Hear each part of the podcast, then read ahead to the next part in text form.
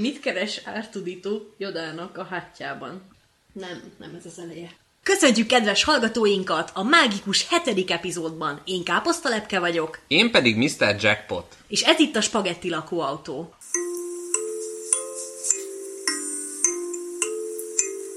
Spagetti lakóautó, a senkinek se való sajtó. A valóságra pici ajtó, hát gyertek be. Bizarr járgányunkkal nekiindulunk felfedezni és felforgatni a világot, ami lefékez minden mellett, ami érdekesnek tűnik, legyen az egy borsószem vagy a szeretet fogalma. Eldudáljuk az útból a konvenciókat, és felveszük a legdögösebb agyustopposokat. Első szegmensünkben az űrről fogunk nektek mesélni. Kimegyünk, visszajövünk. Megfázunk. Nem fázunk meg? Nem.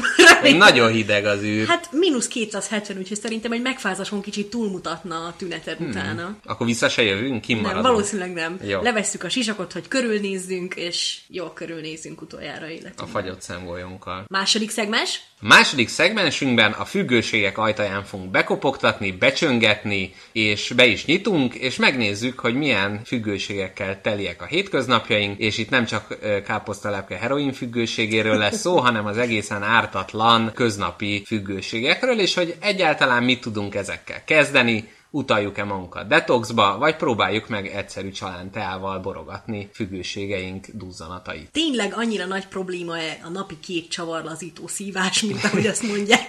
A harmadik szegmensben egy igazán rendhagyó ötlettel jelentkezünk, viszont itt nem miénk lesz a főszerep, hanem a tiétek lesz. Ugyanis hallgatókat és a podcast barátait kértük meg arra, hogy olyan kultikus filmeket írjanak le, amit még ők maguk nem láttak, szóval ami így a popkultúra szűrőjén fennakadt az agyukban. Mindenki, ha nem is látta, de biztosan hallotta Harry Potterről egyszer vagy kétszer életében. és ezt majd meg fogjuk hallgatni különböző történetekről, és mint egy Bartók Bélája és Kodály Zoltánja leszünk a kollektív tudattalannak, és begyűjtjük, hogy mi van meg az emberek fejében a mindenki által ismert és nem ismert történetekből. Fussunk neki az űrnek, Mr. Fussunk Jackpot. neki, lőjük ki magunkat. Nem lehet csak úgy hiperűrsebességre váltani. Ha nincsenek pontos koordinátáink, a végén még neki megyünk egy bolygónak vagy egy szupernovának. Aztán akkor jócakát. Szíjazzátok be magatokat, fénysebességre ugrunk.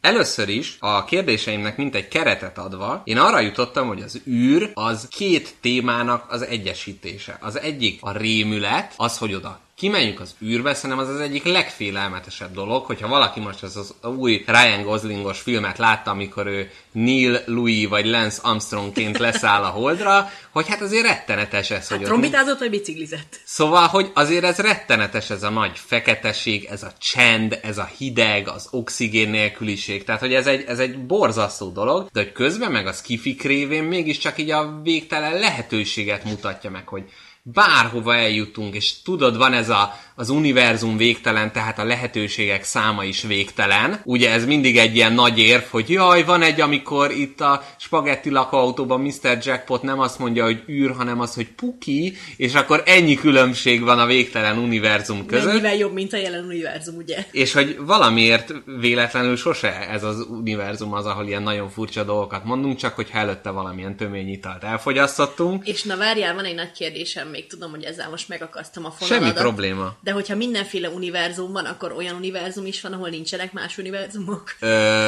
Nem válaszolod meg. Hawking na- is nagyon, ez nagyon jó kérdés, igen, már kezdem úgy érezni. Nem érzem a lába, toljatok innen. És az lenne a kérdésem, van végtelen univerzum. Van. De mi van akkor, hogyha csak kettő univerzum van, és egyetlen különbség lehet a kettő között, akkor te mely, melyik különbséget választanád a kettő között, ami igazán hasznára válna a másik univerzumnak is, meg ennek az univerzumnak is. Én Hát, most egy olyan univerzumot választanék, ahol azt a papírt nem buzerálod az asztalon. Lehet, hogy elköltöznék oda nagyon szívesen. Egy különbség van a két univerzum uh-huh. között, és nekem el kell mondjam, hogy mi ez a különbség. Neked mi a válaszod, Mr. Jackpot, a saját kérdésed? Igen, én be- rettegtél mi? Egyetlen különbség van a két univerzum között, hogy az egyik univerzumban minden süteménybe tesznek egy csipet sót, a másikba nem teszik bele a csipecsót, mert én úgy vagyok vele, hogy mindig ott van a receptben ez az apró dolog, és egyszerűen nem látom a különbséget. Nem tudom ugyanazt az ételt kétszer elkészíteni egyszerre, ugyanazokkal a körülményekkel, hogy eldöntsem, hogy az, amit most hozzáadok, abban van-e különbség, és csak ennyi lenne. És mindkét univerzum ránézne a másikra, ha kiderül, hogy az egyikben jobb, mint a másikban, akkor mindenki úgy kezdi el csinálni, ha nem derül ki, akkor meg a világ sófogyasztását meg tizedeljük. Ebből eszembe is jutott egy még jobb ötlet ennél, de ugyanúgy a sózás vonalán, ugye vannak olyan ételek, jó magyar ételek, amiket vérre menő csatákat vív egymással minden jó magyar család, hogy kell-e cukor a paradicsom levesbe, vagy só kell a paradicsom levesbe. van. A káposztás tészta cukrosan, vagy sósan jobb. A túros csuszára cukor, vagy só kell, kell rá szalonna kocka. És Így ugye van. vagy egyikre, vagy másikra esküszöl neveltetésed utóhatásaként, és akkor ugye, ha az egyik univerzumban csak cukrosak lennének a kaják, a másik univerzumban meg csak sósak lennének a kaják, és neked lenne lehetőséged a kettő között sasszézni, Akkor eldöntheted, hogy neked melyik a jobb. Én egyébként mindegyiknél van preferenciám, kivéve a káposztás tészta, aminél sosem emlékszem, hogy hogy szeretem, ezért a felét mindig cukrosan, a felét mindig sósan eszem meg. Jézusom. Tehát, hogy én már a tányéromon létrehozok két párhuzamos világot. A másik viszont, hogyha egy dolgot megnézhetnék, az, hogy az egyik világban nem létezne a csikizés. Ugye? Hogy hol, mikor lehet költözni, meg hogy. Nevet az ember, de mégse nevet, de nem jó neki, de valaki azt mondja, hogy neki ez mégiscsak jó, dőljön el egy életre. Az egyik univerzumban nem csikisek az emberek, a másikban csikisek, és megnéznénk, hogy hol lennének boldogabbak. Szerintem az dőjön el egy életre, aki megcsikiz másokat. Ettől a szemét nagybácsik rosszabbul érzik magukat, hogyha nem csikizhetnek, vagy a gyerekek kiegyensúlyozottabban nőnek föl. Itt egy komoly kísérlettel ezt ki lehetne deríteni. Hol tartana a világ, ha nem lenne csikizés? Igen, és ilyen, vagy ilyen nagy eufória, vagy ilyen rohadt atomháború, mert a, nem tudom, a Hruscsov rátenyerelt volna a nagy piros gombra, de közben megcsikizték, és ezért sikerült a... Az egyik univerzumban ugyanúgy áll az emberek arra, mint most, a másik univerzumban pedig felfele. Ú, fejjel lefelé? Ú, Ilyen esővízgyűjtőnek. De nem jött, meg kihal az az univerzum. Mert? Hát beleesik az eső. Hát kifújod. De ebből mi derül ki? Ez miért jó a két Mert univerzumnak? kurva szórakoztató a másik univerzumot nézni. Ja, hogy mindegyik kiröhögi a másikat, hogy mi, tőlem azok lefelé áll az orra. Igen, milyen béna. Hát akkor mit fúj ki vele? Kiesik bele. Így van. Igen, vagy akkor várjál, ahol lefele áll az orrod abba az univerzumban, a szádat áthelyeznénk a tarkódra. Nem És tudom. könnyebb lenne taknyosan csókolózni. Fúj! Mert ugye megy a íz, és közben a há- hátirányba lehet csurgatni a dolgokat. Fúj! A taknyos csókolózás témájához elég hamar elértünk. Igen, amúgy a csókolózás szerintem egy, a csók önmaga, hát ez egy nagyon furcsa dolog, miért csinálja az ember? Hát tudod, honnan indul? A számból. Hát akkor jól csinálod, gratulálok. Hát a szagolgatásból indul. Számból indul, és más szájban ér vége. Ismered ezt a nagy gimnáziumban terjedő geget, hogy haha, a csók egy olyan dolog, aminek a két végén két segjuk van. Hogy egy csövet Ja. egy ilyen két segjuk végű cső lesz a két emberből. Igen. Milyen romantikus, nem képzeled el ezt egy ilyen esküvői esküben? Igen. Egy, egy ilyen esküvői Claudia eskü. és Mark létrehoztak együtt egy nagy csövet. Csodás a szerelem, Igen, nem ezek, de? igen, ezek a reformátusok nagyon furcsa ilyen esküket szoktak mondani, úgyhogy lehet, hogy ott ez. Igen, tartson ez a segjukcső örökre. Mi lenne, ha visszakanyarodnánk az űrre? De a, a csó, kis- csókhoz még nem volt valami hozzáfűzni valód? Nem. Hát csak annyi, hogy, hogy ez így szagolgatásból jött, hogy így egymás megszagolgatása, és akkor olyan közel kerültetek egymáshoz, hogy eszetekbe jutott, hogy mi lenne, hogyha a kajajukatokat egymásra tapasztanátok. Hmm. De hát akkor ennyi erővel, na jó, mindegy, igen. Most az orrodat akarod a másik szájába nyomni? Tehát, hogy az hogy jön össze, hogy a száj... Jó, de hát egyébként, Hát mert- de hát egyébként valószínűleg ez az a dugás, amit felöltözve is lehet csinálni. Ó, na, Mr. Jackpot megmondta megint. Szüleid előtt. Csokolom anyuka, menjen már ki a stúdióba! Figyelj, Versmondó lány nem most jön a maga része kifelé. figyelj, Mr. Jackpot, hát a szád az egy érzékeny rész, ugye? Ottan sok, sok itt az idegvégződés, meg, a, Ú, ez igaz. meg az ilyen nyálkahártya, meg ott nyál, meg kahártya. Ott minden van. És azt összedugni egy másik emberrel, az, az tagadhatatlan érzéseket okoz az emberben. Hmm. De nem tudom, ha benned ugyanazt hozza elő, hogyha valaki más köldökébe nyomod az orrod, akkor Jaj, egészségetekre. jaj, nem, nem, mert nincs kahártya. Nyálat még valahogy lehet rakni, de kahártyát nagyon nehéz. A táplálkozást is megváltoztatná nyilván, mert hogy csinálhatnád azt a gyerekeddel, akik ugye köztudottan nagyon finnyásak, hogy a, az arc orra elé nyomod a csokoládét, és a tarkó szájába pedig a brokkolit. Viszont nem mindig látod, hogyha lehányta magát, mert meg kell tenni Mert a szemed a 108 talpadon van. és minden lépésnél, au, Valami a szemembe ment a föld? Vagy a mars? Ha már űr. De egyébként ez is milyen jól meg van tervezve az ember, hogy az orrunk alatt van a szánk. Tehát amikor eszünk valamit, és ha romlott lenne, rögtön ki tudjuk szűrni, és már nem tesszük be a szánkba. Igen, hogyha a két és fél méteres penészcsík nem elég árulkodó a szemednek, Igen. akkor még ott van mentővnek az orrod és az ízlelés. Igen, megvannak ezek a rétet, hogy vizuálisan, tehát ez egy ilyen űrhajó bedokkolás a nagyobb űrhajóba, hogy jön, akkor látod, akkor megszagolod, és hogyha már az is oké, akkor megízleled, és csak utána nyeled le. Hát ez az, hát mennyi védelmi rendszered van az ellen, hogy nem érgez meg magad, mint az idióták. Fantasztikus az ember.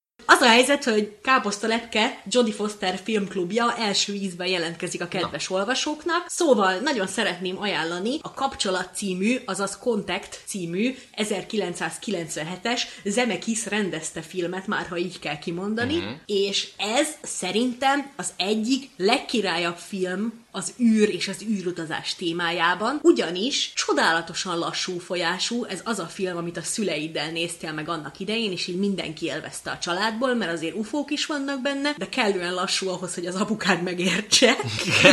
szép nők, szép férfiak vannak benne. Arról szól ez a film, hogy Jodie Foster egy kis űrkutató nő, akit mindenki lenéz, mert hogy a szakmában nő nem való, azok nem hallják jól a hullámokat, amiket az ufók kiküldenek, és ő annyit csinál, hogy óriási nagy ilyen antennákat helyez ki a sivatagba, és azt hallgatja ét nap alá téve, hogy az ufók mit duruzsolnak neki. Uh-huh. Egyszer felfog egy olyan hangüzenetet, amire mindenki azt mondja neki, hogy ez csak egy halott csillag vibrálása, de Jodie Foster keresztül viszi az ötletét, és kiderül, hogy valóban üzenetet küldtek az űrből. Egy olyan üzenetet küldtek ezek az ufók, amin szerepel egy terv, hogy hogy lehet hozzájuk eljutni. Jodie Foster maga ül űrhajóba, hogy ezt kiderítse. Ezt azért mondtam el, mert a kérdésem hozzáfűződik, hogy ugye tudjuk, hogy amióta kb. kiküldtek dolgokat az űrbe, azóta üzeneteket is küldenek ki ezekkel a űrszondákkal az űrbe, arról, hogy itt vagyunk, így nézünk ki, ezt csináljuk. Neked egyetlen egy dolgot küldhetsz ki az emberiségről, az emberiségtől, az ufóknak, amivel te azt akarod sugalni, hogy mi egy csodálatos bolygó vagyunk, csodálatos szülöttjei vagyunk egy csodálatos bolygónak, és hogy meg ne támadjanak minket, mert értékeink vannak. Mit küldesz? Hát a technológiát azt hagynám a picsába. Hát nyilván, Értelemszerűen, mert biztos, hogy jobb, és vannak. küldöm ki a villanykörtét, és körbe röhögnek. True. Kivéve, ha molylepkék az idegenek, mert akkor azonnal zsallnak a földre, és meg... Körül táncolják. Akkor nézzük a művészeteket. Hát irodalom, nem hiszem. Hát Nem, nem győzné meg. Tehát, hogy én most sugározhatnám ki az Ulysses, tehát azt a földlakók se értik nagyon, hát még az ufók, nem jó. Valószínűleg zene. Vagy a zene, vagy a... Tehát a film az elég komplex ahhoz, hogy abba így a, az interszekcionalitását az egésznek meg tudjuk mutatni, mert ugye né- néma film az nem jó, tehát a zene, abba a zene is része, az embereket is megmutatjuk, meg tudjuk mutatni A vágyainkat. a vágyainkat, félelmeinket. az, hogy erőszakosak is tudunk lenni, szeretni is tudunk, stb. Tehát, hogy egy olyan film kéne, de hogy itt valószínűleg nem a legjobb, tehát nem a remény rabjait kiküldenénk, és az ufók lehet, hogy behalnának már rögtön az elején. A borát? A- Igen. És jönnének ilyen sárga fürdőruhákba hozzánk, hogy jöttünk másról, békével. Jó, de most kiküldjük nekik a sátántangót, vagy kiküldjük nekik a stalkert, végignézik hat és fél órán keresztül. Ott. Hát Fú, jó, mert annyival borát. legalább eltolják a támadást. Hát mire izé sátántangot végig, addigra mi már nem is fogunk élni szerintem. Tudom, tudom, tudom. Én is tudom. Szerintem ugyanazt fogjuk mondani. Jó, háromra. Egy, kettő, három. Amelie Igazából csodálatos élete. Meg- Mondd el, miért a Love Actually című film jutott? Nagyon sok szempontból. Ú, amúgy tényleg jó. Ugye? Köszönöm. Igen, Piton Na. professzor megcsalja a feleséget. Hát mi kell az ufóknak, ha nem ez? Na figyelj, én nekem erről az egész, véle, egész részről az a véleményem, hogy engem bárki bárhányszor csalhat meg, amíg Johnny Mitchell CD-t kapok tőle. Azért jó az a film, mert az az a film, amit mindenki úgy néz végig, hogy a faszomat ebbe a romantikus szarba, amit meg kell nézzek, és mégis annyira csodálatos, már ahogy kezdődik, hogy sokan azt mondják, hogy nincs már szeretet a világban, de rossz helyen keresik, mert ott van a reptéren az egymást megölelő rokonok, és Igen. minden van benne, kellően nyálas, kellően És elgondolkodsz az a rajta. karácsonyi film, És amitől emberi. nincs eleget, hogy jó, akkor most fölvettem a rénszarvasos zoknit, és leülök meg, hanem az van, hogy de valószínűleg azért, mert hogy tényleg ilyen sok szemszögből. Tehát Igen. akkor ott a, De meg a tényleg- vállalati karácsony, tehát hogy Igen. közben ez az egész ilyen kis kínos, ilyen Igen. kis topogás is benne van. Igen, és tényleg nincsen szépítve semmi, mert bele lehet szeretni a legjobb barátod mennyasszonyába, azt jó szar lesz neked ez. És az emberi sokféleség is benne van. Igen. Tehát ott vannak a, a baltarcú angolok, de ott vannak a külföldiek, ott van a gyerek is beleszeret, a nő, a férfiba, minden. Ott van a rockstar, aki nem tudom, hogy kibe szeret bele, szerintem a heroinba. kokainba. Igen, igen. igen, ez e, ennyit. Én az Amelie csodálatos életét, azt azért, meg ezek az ilyen apró életörömök, amik így át vannak adva, az, hogy a kezét belenyomja a lencsés tálba, és Aha. hogy annak, meg az, amikor a krémbrülének, vagy minek a kis karamell tetejét föltöri, meg ezek, meg hát eleve Párizs, meg minden, tehát hogy ott úgy van ez a kultúra és életöröm így átadva neked, hogy nem így nyomják le a torkodon, hanem tényleg, mintha csak egy ilyen kis veszpán így keresztül suhannál De egy azért. Amelit megfelelő rep- reprezentációjának tartod az embernek, mert szerintem azért kicsit ő is ufó. Kicsit ufó, igen, azért van ez a haj, hogy elfedje a nagy hosszúkás fejét. Hát meg ez, hogy brokkolinak is van szíve, erre az ufók is azt gondolják, hogy nekünk is zöld és elálló a fejünk, de mégis a földön minket szeretni fognak. Most akkor elmondom, hogy én mit küldenék ki. De jaja, hogy nem filmet, igen. Én nem filmet küldenék ki, én majd ezt a nézők is meg fogják tudni. Én nagyon-nagyon szeretem a zenét, nekem fő mozgató rugóm. Ez lesz, az életem a zene, minden a zene. Zene, zene, nagyon fontos a zene. És ezért én mindenképpen egy zeneszámot küldenék ki, és abból is a legcsodálatosabbat, amit valaha ember megírt. Két Bush 18 évesen írta meg a Wuthering Heights című csodálatos zeneszámot. Ez a szám nem, nem fog róla beszélni, mert nem lehet, hallgassák meg, írják be. Szóval tudják a kedves hallgatók, van Emily Bronténak az Üvöltő Szelek című regénye, élete első és egyetlen regénye, ez adta az alapját, de ez a dal 10 milliószor jobb, mint a regény, és sokkal rövidebb ideig is tart. Tehát bárcsak ki lehetne cserélni a kettőnek az időtartamát, akkor tökéletes lenne. Ú, igen. Szóval én ezt küldeném ki, mert ennél csodálatosabbat ember még nem alkotott, a kerék is szarabb ennél. Nagyon élvezem ezt az adást, csak ennyit szeretnék Én is. mondani. Térjünk kicsit vissza a Föld legközelebbi haverjához, a Holdhoz. És egy nagyon érdekes történelmi tervre hívnám fel a hallgatók, nézők és olvasók és káposztalepke szíves figyelmét, mégpedig arra, hogy a náci rakéta tudósoknak, akik ugye eléggé úttörői voltak ennek a technológiának, volt egy olyan tervük, hogy a Holdra fölvisznek egy kombányt, már nem a mezőgazdasági, tehát egy speciális ilyen űrkombányt, egy észkombányt Egy föl, pornó combined, és ezzel a hold felszínén lévő porba bele kombájnoznak egy óriási horogkeresztet. Mert ugye, biztos már a figyelmes hallgatók észrevették, hogy a hold mindig ugyanazt az arcát mutatja a föld felé. lehet, Tehát hogy ez a segge. Ugye mivel nincsen szél, mert nincsen légkör, ezért ugyanolyan állapotban van a por, és elvileg ezért még Lance Armstrongnak a kerékpár nyoma még mindig ott van a holdon, és ennek a fizikai ténynek alapján a nácik egy óriási horogkeresztet akartak belekombájnozni a holdba. Ha te, tehát hogy ha mint a horogkereszt ugye az epikus legrosszabb dolog, hogyha megtehetnéd, milyen jelet kombájnoznál bele a hold felszínébe, ami az emberiség életét jobbá tenni. Mi az a jel és jelkép, amit az emberiség mindenféle életkorában, nemében és társadalmi helyzetében legtöbbször firkant rá dolgokra? Fütyi, Így van. Ez a fasz ügy engem nem érdekel. De hol voltál egész nap? Esküszöm, ki sem mozdultam az orról. Valamivel védekeznem kell az ellen, ami csúnya, guztustalan és ártalmas. De ez, ez, ez, ez halálosan izgalmas. Nézd oda. Ha ott megállsz és nézed, nem lehet se gunyoros, se cinikus. Hát nem.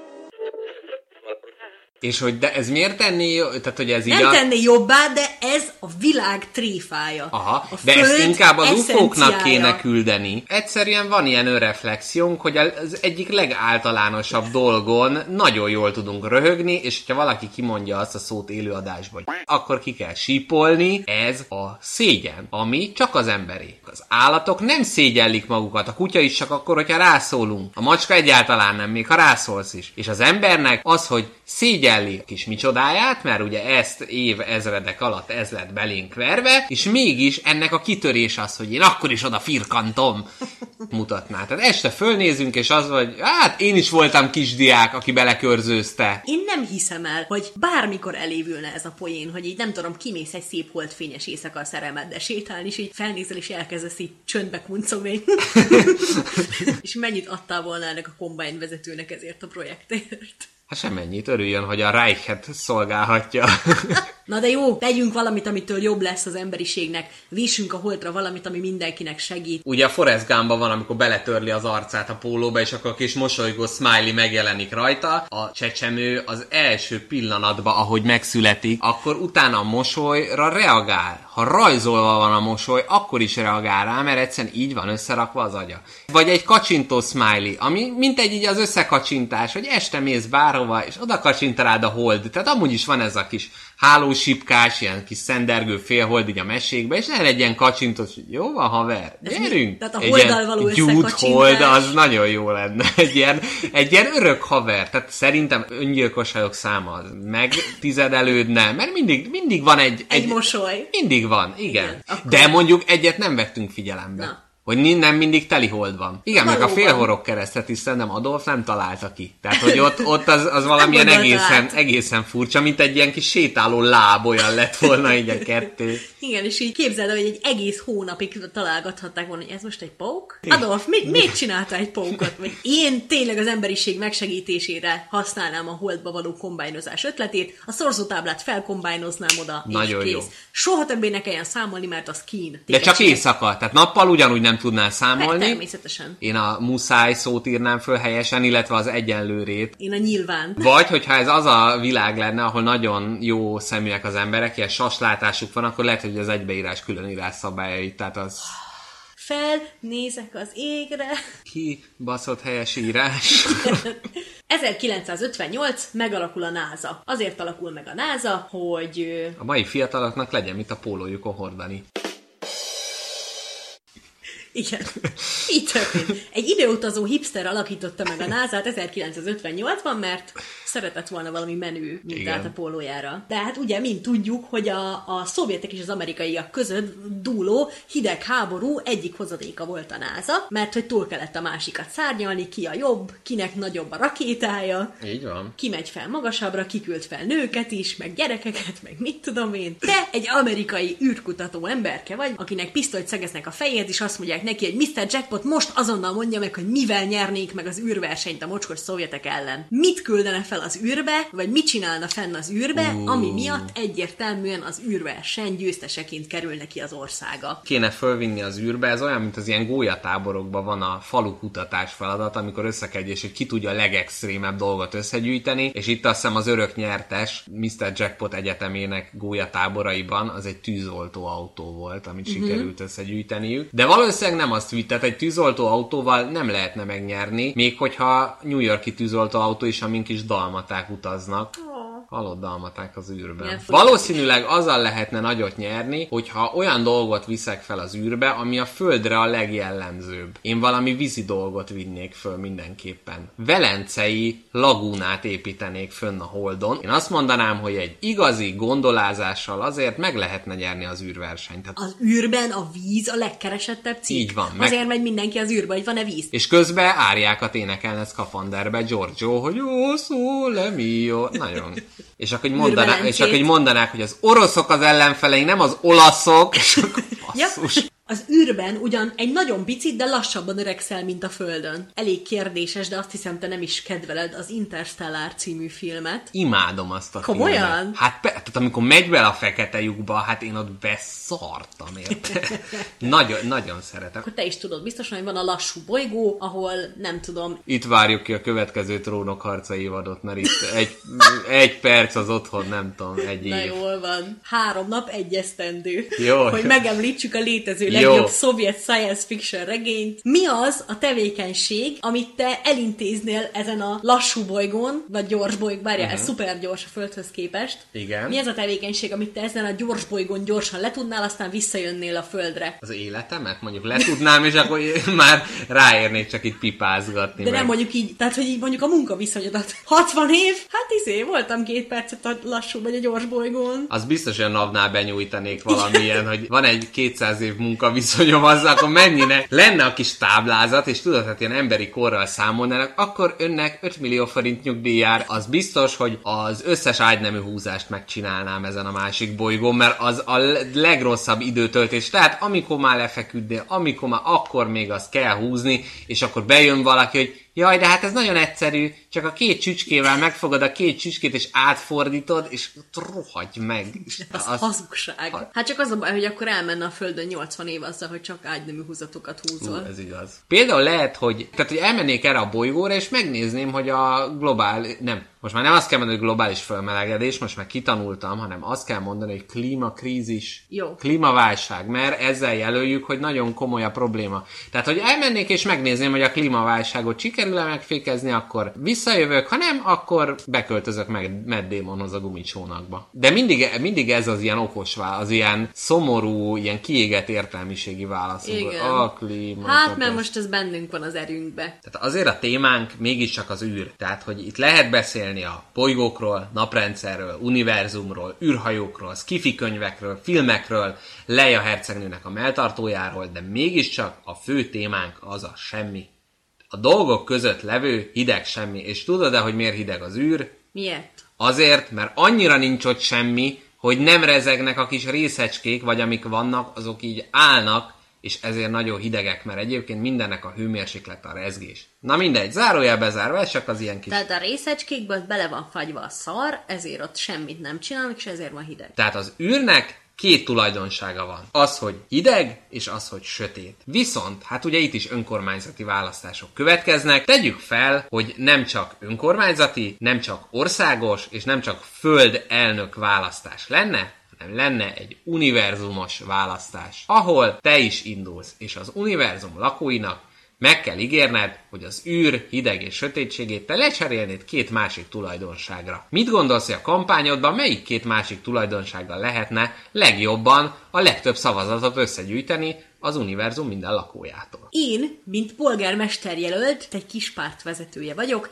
nem érzem magam mögött a tőkét arra, hogy mindkét jellemzőjét megváltoztassam az univerzumnak, Hát egyszerre csak egyet. ezért fognám magam, és úgy igazítanám az egyik tényezőt, hogy a másik tényezővel együtt a létező legkellemesebb kombinációt alkossák. Szóval van az éjszaka, van az este fogalma, ami abszolút lehet kellemes és romantikus, szép, sötét, nyugodt, csillagos, hogyha a hidegségét megváltoztatnánk erre a kellemes esti-nyári melegre, mm. amikor az ember szívesen kiül, hogyha mondjuk a holdat, vagy a közeli bolygókat, amire rá lehet még mindenféle nagyobb nehézség nélkül hoppanálni, megcsinálnánk szuper puhára. Tehát bevonnánk egy ilyen plüskárpittal, fognánk a világ összes kárpitosát, és egy ilyen jó nagy plüskárpitot vonnánk az egészre, amire egy belefekszik az ember a nagy szűnyeg bolyhok közé, és a kellemes meleg átjárja, és nézi a csillagokat. Univerzum nyugi szoba, vagy esetleg az ilyen kráteresebb bolygókra a játszóházakból jól ismert labda veremet készítenék. Ezekből a kis színes labdákból is ott lehetne úszkálni körülötte a kis ingeddel és aktatáskáddal meló után. És mondjuk minden bolygó más illatot párologtatnának. Nekem a kérdésem az lenne, az űr valamiért kedvelt témájává vált a csoki márkáknak. Szóval létezik a Milky Way csokoládé,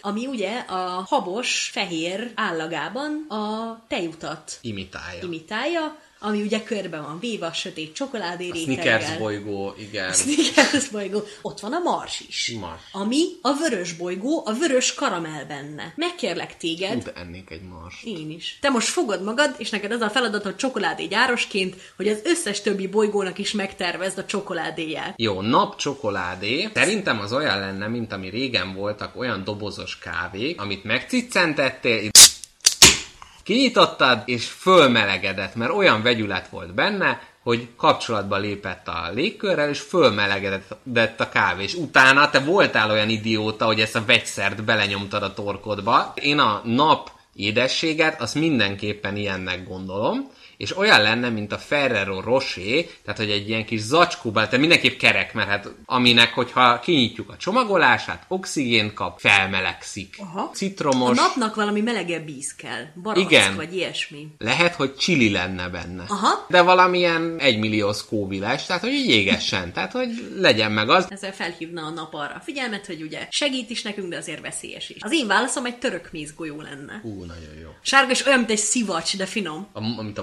mosogató mellett találtok, az nem biztos, hogy török méz, lehet, hogy anyuka ott tartja, gyerekek, de... Hello! Jó napot! Hello!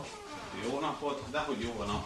Saturnus egy gázbolygó, ezt már tudom. A Saturnus belső magja valószínűleg vasnikkel összetételő, a magot fémes hidrogén veszi körül, ezután egy közbülső réteg következik, amit folyékony hidrogén és folyékony hélium alkot, és végül a bolygó külső takarója gázokból áll. Mit szólnál egy ilyen cukorkristályborítás? Meg olyan, mint régen, a, vagy hát még ma is a nyalókáknak a közepén volt rágógumi. Közepén a kemény magot, mint egy, egy kemény kis belső cukorkával tudnánk lemodellezni. Ebben a gáz halmazban az elektromos villámok össze-vissza cikáznak, Pattogós cukor. tökéletes, és nagyon durván mágneses a rengeteg vas miatt. Nagyon ragacsos. Igen. Tehát, hogy hozzárakod a nyelvet, és alig bírod leszedni róla. Pattogós cukor, ahogy elszopogatod, a közepén pedig egy egészen kemény cukor, van, amit napokig lehet utána a hörcsök szájadba ide-oda rakni, mire végre elolvad.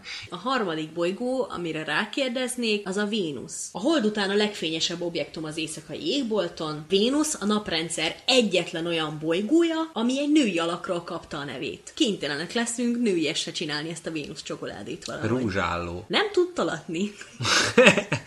Vagy, hát a Willendorfi Vénusznak az alakja lenne meg egy... De az már megint egy gömb. Hát sok kis bombon így egymásra tapasztva. Hát igazából az egy gasztronómiai remek. Na, de amúgy azt el akarom neked mondani a Willendorfi Vénuszról, hogy eddig mindig azt hitték, hogy ilyen rituálékhoz használt női alak az anya, a nő, a méh, és hogy ezt férfiak körül imádták, körül táncolták az állatbőr ágyék kötőikben. Most kitalálták, hogy valószínűleg azért ilyen alakú ez a Willendorfi Vénusz, mert ez egy női szempontból tehát a nő, művész, lefelé nézve a testére, így látta meg az alakot. Tehát lehet, hogy ez egy ön testkép, önarckép Ó, lényegében. egy selfie szobor. Ja, és ezért van, hogy ilyen kicsi a feje, és akkor így szélesedik, hogy Igen, így igen. perspektívikusan. Hát a fejedet nem is látod, hát honnan tudod, hogy néz? Azt tudod, hogy van hajad, Igen. az látszik is a Willendorfi Vénuszon. Hogy ugye? akkor ezek az emberek még nem látták magukat. Igen. Nem volt tükör.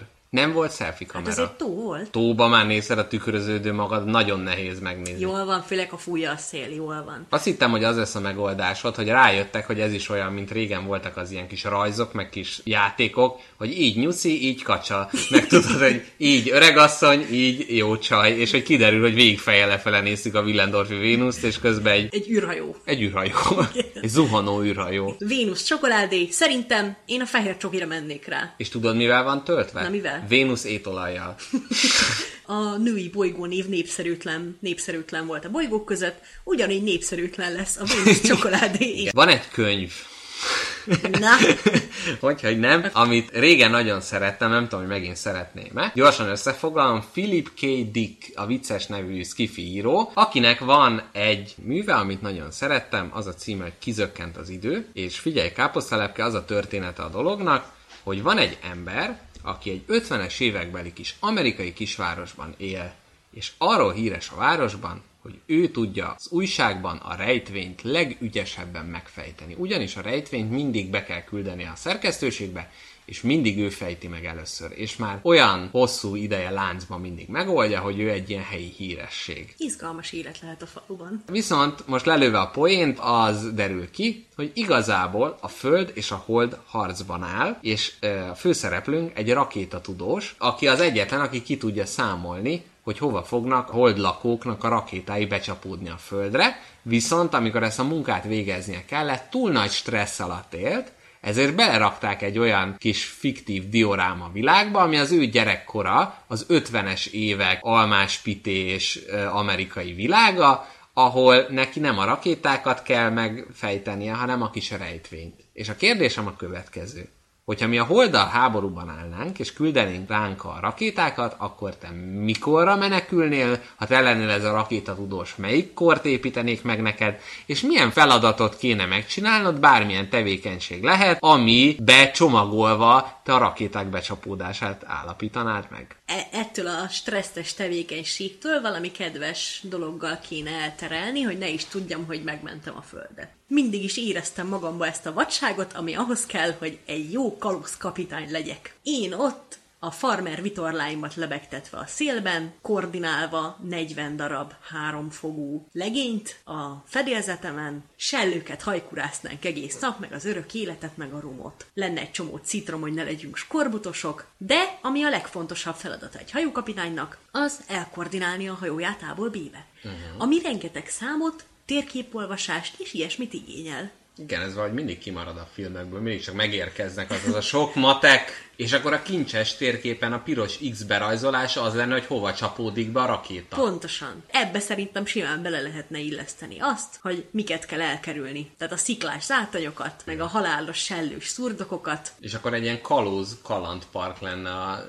51-es körzetbe fölépítve, ahol káposztalepke, mint rakétatudós számolgatja a kis becsapódási pontokat. Nem, én ezt nem tudnám, mert engem fejbe vágnának, kiszednék a memóriámat, én nem nem, tudnám, tudnád, hogy én igen. nem true kalózkapitány vagyok az 1600-as években, hanem 2019-ben 40 darab színésznek adom ki az utasításokat. És tudod, így jönne az amerikai elnök, hogy gratuláljon, hogy megmentetted a földet, és várjon, nem, most a papagájához beszél éppen.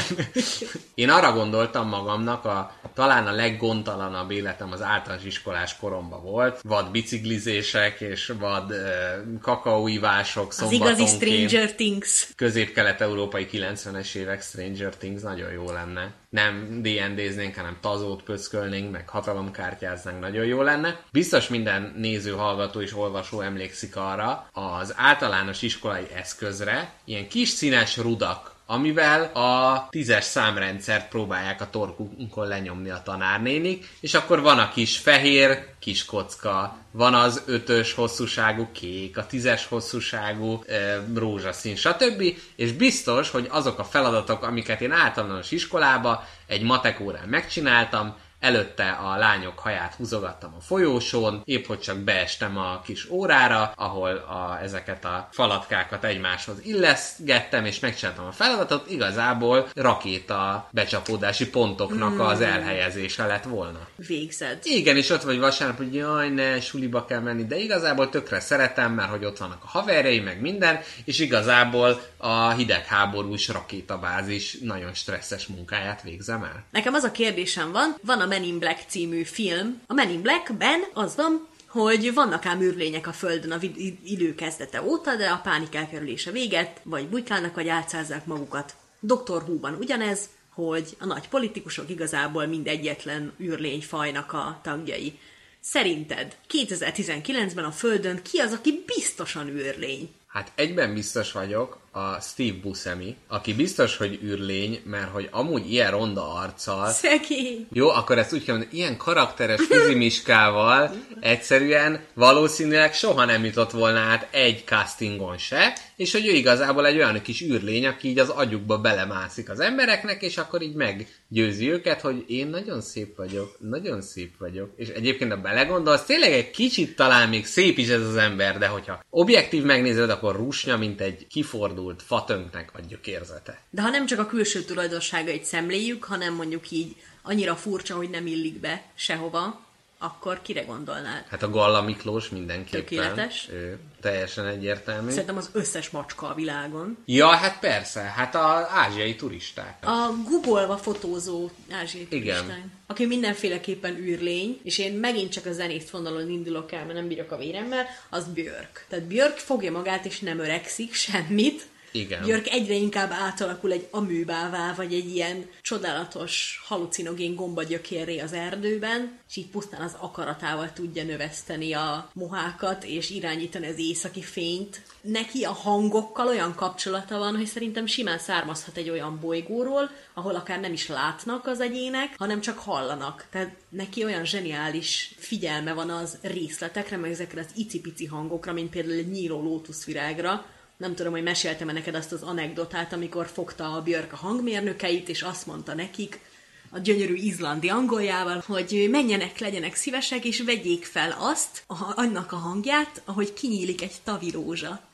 És akkor ugye mondták Björknek, hogy menjen vissza Izland fagyos seggére azonnal, mert ő kitalálta, hogy ilyen mikrohangokból csinál albumot, ami amúgy csodálatos és bőksz rajta, de hogy És benne van a Lotus virág kinyílása? Hát na látod, azt nem hallottam ki, akármilyen vágyfülű vagyok. Tehát szerintem ő egy olyan alien, aki így idő előtt szabadult el az 51-es körtetből. Én kicsit David lynch vagyok így, de ezt a szekeret most nem akarom tovább tolni, úgyhogy álljon csak itt ennyi, David Lynch. Köszönöm. Köszönöm.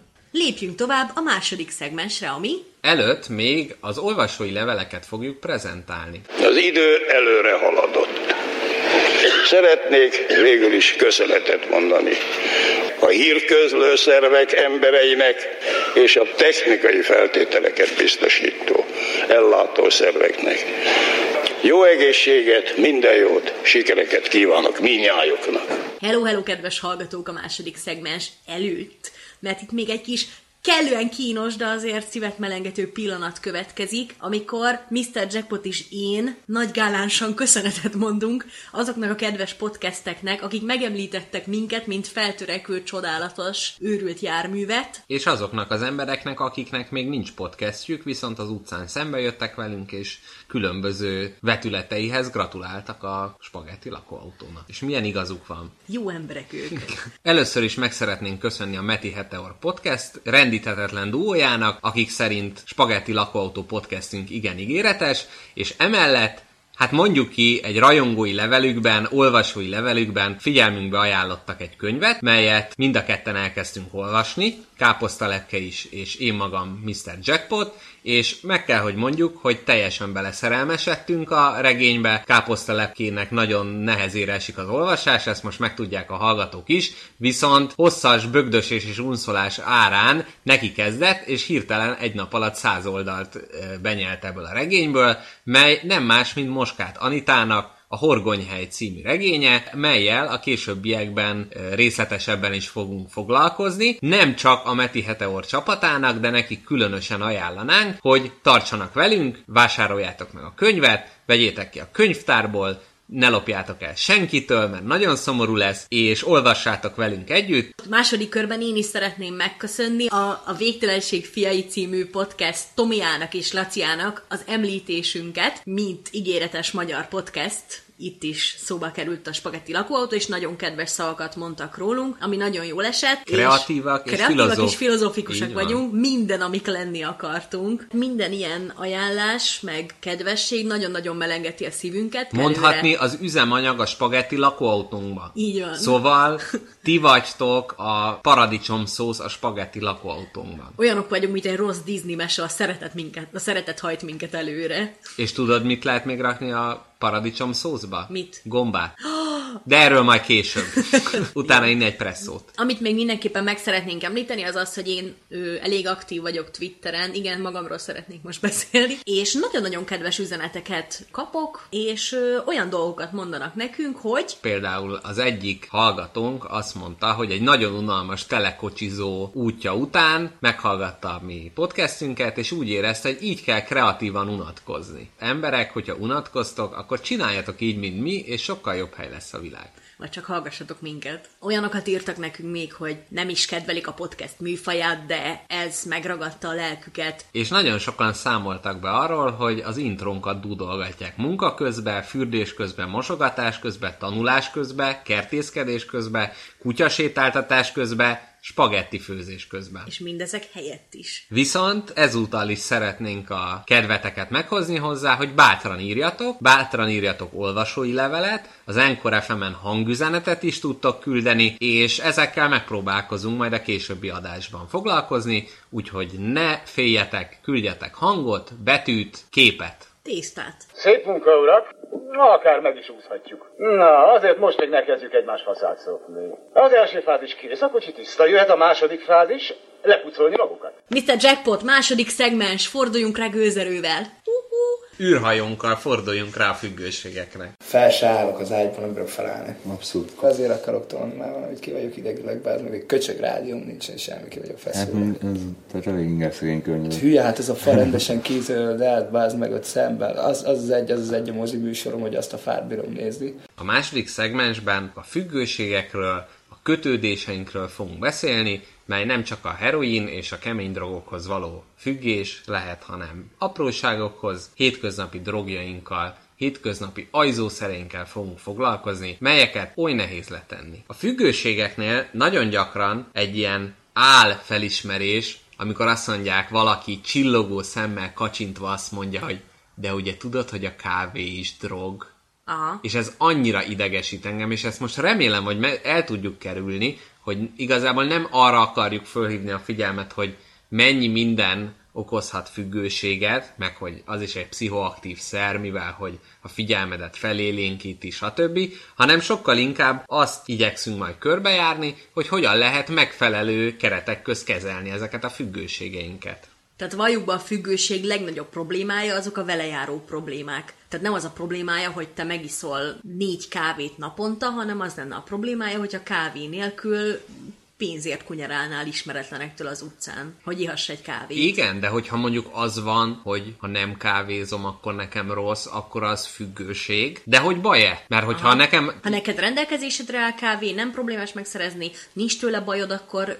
Na ez a kérdés, Igen. hogy károsnak kell lenni ahhoz, hogy baj legyen. Mert hogy például a bőjtbe így kipróbáltam, hogy letettem a cukrot, és nem ettem hozzáadott cukrot, hanem csak ilyen gyümöl, ami a gyümölcsben van, tehát ami természetesen benne leledzik, és persze az elején nehéz volt, meg amikor más ette a finom lekváros kenyeret, akkor az úgy nekem tök nehéz volt, de hogy úgy éreztem, hogy igen, ez egy, annak igazából nem vagyok a függője. Aha. Mert hogy jó érzés volt letenni, stb. Ugyanígy a hús, hogyha azt mondják, hogy most nem ehetek x ideig húst, nem olyan, de például a kávénál érzem, hogyha azt mondják, hogy nem kávézhatok, úgy egyáltalán, hogy ott azért, azért eléggé ö, megremegnék. Tehát, hogy ott a függőséget én abszolút érzem, Aha. de mégsem mondanám azt, hogy ez egy káros dolog. A szokásainkat azt így meg kell bélyegezni az, hogy függőség, mert azért a függőség az egy pejoratív szó. Igen, tehát az mindenképp azt jelenti, hogy elvonás esetén problémáid lépnek fel. Én, én a mondó vagyok, hogy most válasszuk el így a szokásainkat a függőségektől, és tényleg azokról a függőségekről beszéljünk, amiket jó lenne elkerülni az életben. Szóval Aha. a kérdésem az, hogy az életedben te milyen függőségeket tapasztaltál meg saját bőrödön, hogy győzted le őket? Szerintem nekem nincsen ö, olyan, amit letettem volna.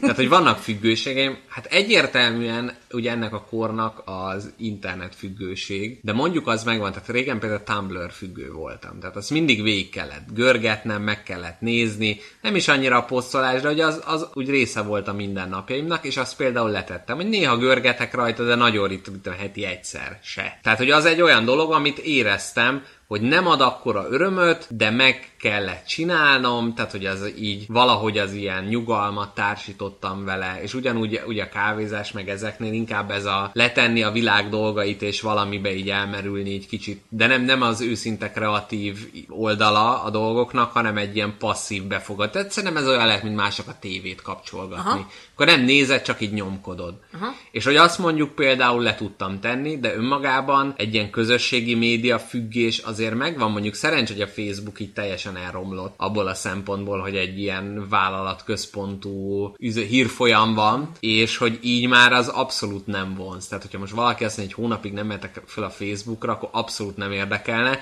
inkább csak, hogy ilyen eseményekről maradnék le. Már úgy, hogy amik így meg vannak hirdetve, meg, tehát, mert az egy ilyen programfüzetként is funkcionál. Igen. De mondjuk régen abszolút megvolt ez az ilyen közösségi média függőség. Én nekem sikerült életemben a világ legcikibb függőségét begyűjteni. Én orspray függő voltam. Ez egyébként nagyon elterjedt. Létező legbénább függőség, de úgy éreztem, hogy nem kapok levegőt. Tehát nekem nagy félelmem így a, az, hogy egyszer nem kapok levegőt, tehát fulladástól és meg ilyesmitől is félek. Nyilván úgy kezdődött, mint mindenki másnak, hogy megfázás, nem kaptam levegőt, nagyon zavart, orspray. És hogy ez a megfázás utáni időszakra is kinyúlt, és a végén már ilyen ö, észrevettem, hogy nincs nélküle alvás. Tehát nem tudtam, mert úgy éreztem, hogy így, meg amúgy valószínűleg fizikai reakcióm is volt rá, hogy tényleg sokkal-sokkal jobban bedugult az orrom, mint amúgy normális esetben. És ö, letenni tényleg olyan volt, hogy rohadtul szenvedtem, tehát napokig nem aludtam, és egy sokadik kísérletre tudtam letenni, de hát éreztem már az ornyálka hártyámon a problémákat. Tök sok idő után szoktam le, és még most is, hogyha ha mondjuk beteg vagyok, akkor nagyon-nagyon óvatosan. Úgy kell lefogni, hogy Igen. nehogy belőjél az orrodba egy Igen, titokba, puffot. Igen. titokba bele ne puffoljak egyet. Az a durva, hogy megkreálja ez a szer, amit használsz,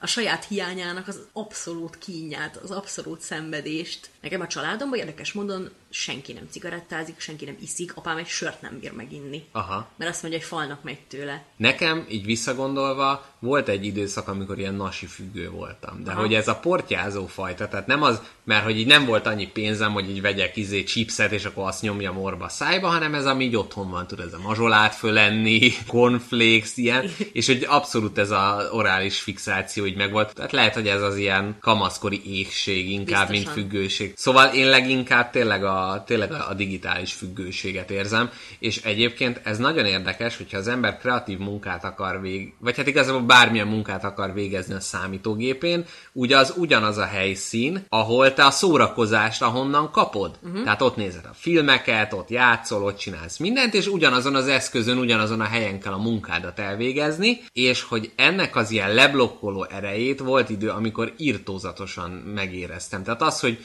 jaj, csak rápillantani, jaj, csak rákattintani, és egyszerűen nem halad. Én most már kevésbé érzem ezt, de volt egy idő, amikor találtam egy nagyon jó alkalmazást, amit ajánlok is a hallgatók figyelmébe, egy ingyenes alkalmazás, az a neve, hogy Freedom, és majd be is linkeljük a leírásba, és ez egy olyan kis program, amit letöltesz a gépedre, és megadod neki, hogy mennyi időre melyik honlapokat blokkolja le. Uh-huh. Lehet az, hogy teljes internetet, lehet az, hogy csak az X közösségi médiákat, mert mondjuk neked a, nem tudom, Wikipédiát, azt nézned kell a munkához, akkor azt ne blokkolja le. Tényleg így fellélegzel, amikor így belövöd, és egy órától elkezd visszaszámolni a kis számlál, és ott és egy órán át nem kattinthatsz rá semmire, és nagyon meg tudja lódítani így az ilyen alkotó munkát, úgyhogy ezt nagyon ajánlom a, a hallgatóknak, és most erről eszembe jutott, hogy volt egy oldal, amit a közösségi média oldalak mellett még annó le kellett blokkolnom, és ez is kicsit ilyen szégyenletes, kicsit mint az orspré,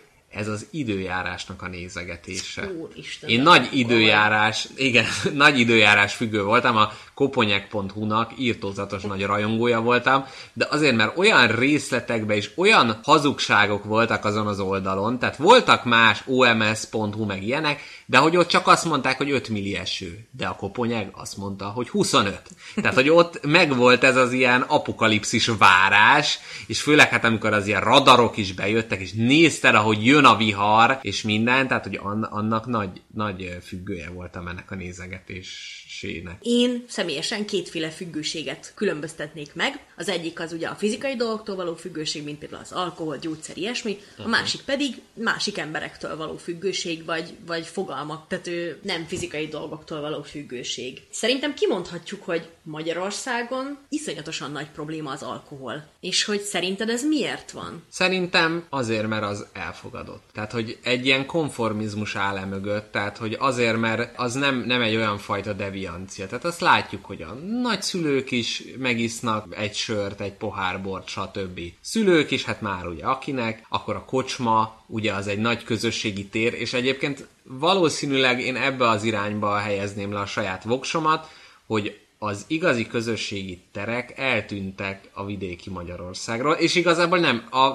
nagyvárosi Magyarországon is ugye nagyon fura helyzetük van, ugye csak a fiataloknak szólnak, csak eh, bizonyos csoportoknak, tehát ilyen furcsa, és azért, hogy a közösségi ház ugye az teljesen ilyen funkcióját vesztette, és mégis a falunak, meg eh, településnek a fóruma az a kocsma. És ugye hát mégiscsak ahhoz kapcsolódik az alkohol, oda azért megy le az ember, tehát nem az, hogy oda mész és csak beszélgetsz, mert akkor már meg kell inni valamit, ha még maradsz, akkor iszol még egyet, és szerintem ebbe ugye így bele lehet azért csúszni. És az is, hogy egy képzett társítás, tehát az, hogy odamész, haverok, duma, sör. És akkor már az van, hogy utána, amikor épp nincs jó kedved, vagy valami, akkor az, hogy hol jó, hát a kocsmában, mert ott vannak a haverok, barátság, meg az emberi kapcsolatok, az egy általános jó dolog, és ahhoz kapcsolod az alkoholt. És ugyanígy szerintem a kávé nem az ébresztő hatása miatt ilyen sikeres, mert akkor zöld te a függők lennének, meg te a mindenki teát inna, inna. Szerintem a kávé azért ilyen nagyon erős, mert vagy a marketing, vagy csak így alakul, de egy olyan kép él mellett, hogy leülni, meginni egy kávét, beszélgetni egy kávé fölött. Valakivel összefutsz, nem, nem ülünk be egy kávéra?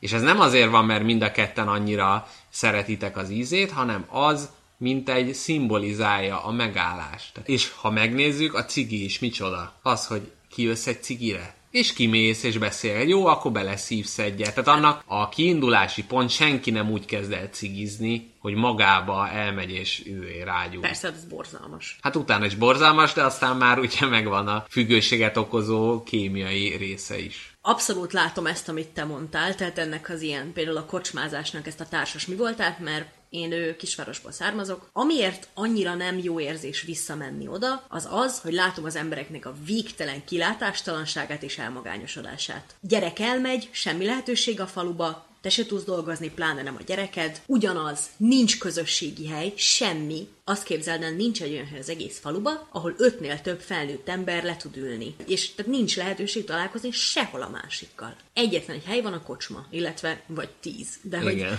tehát azon kívül semmi hely nincs. Tehát abszolút látom, hogy a kezdete ennek a cigarettának és a, a kocsmázásnak ez, a, ez, ez egyértelműen a társaság keresése.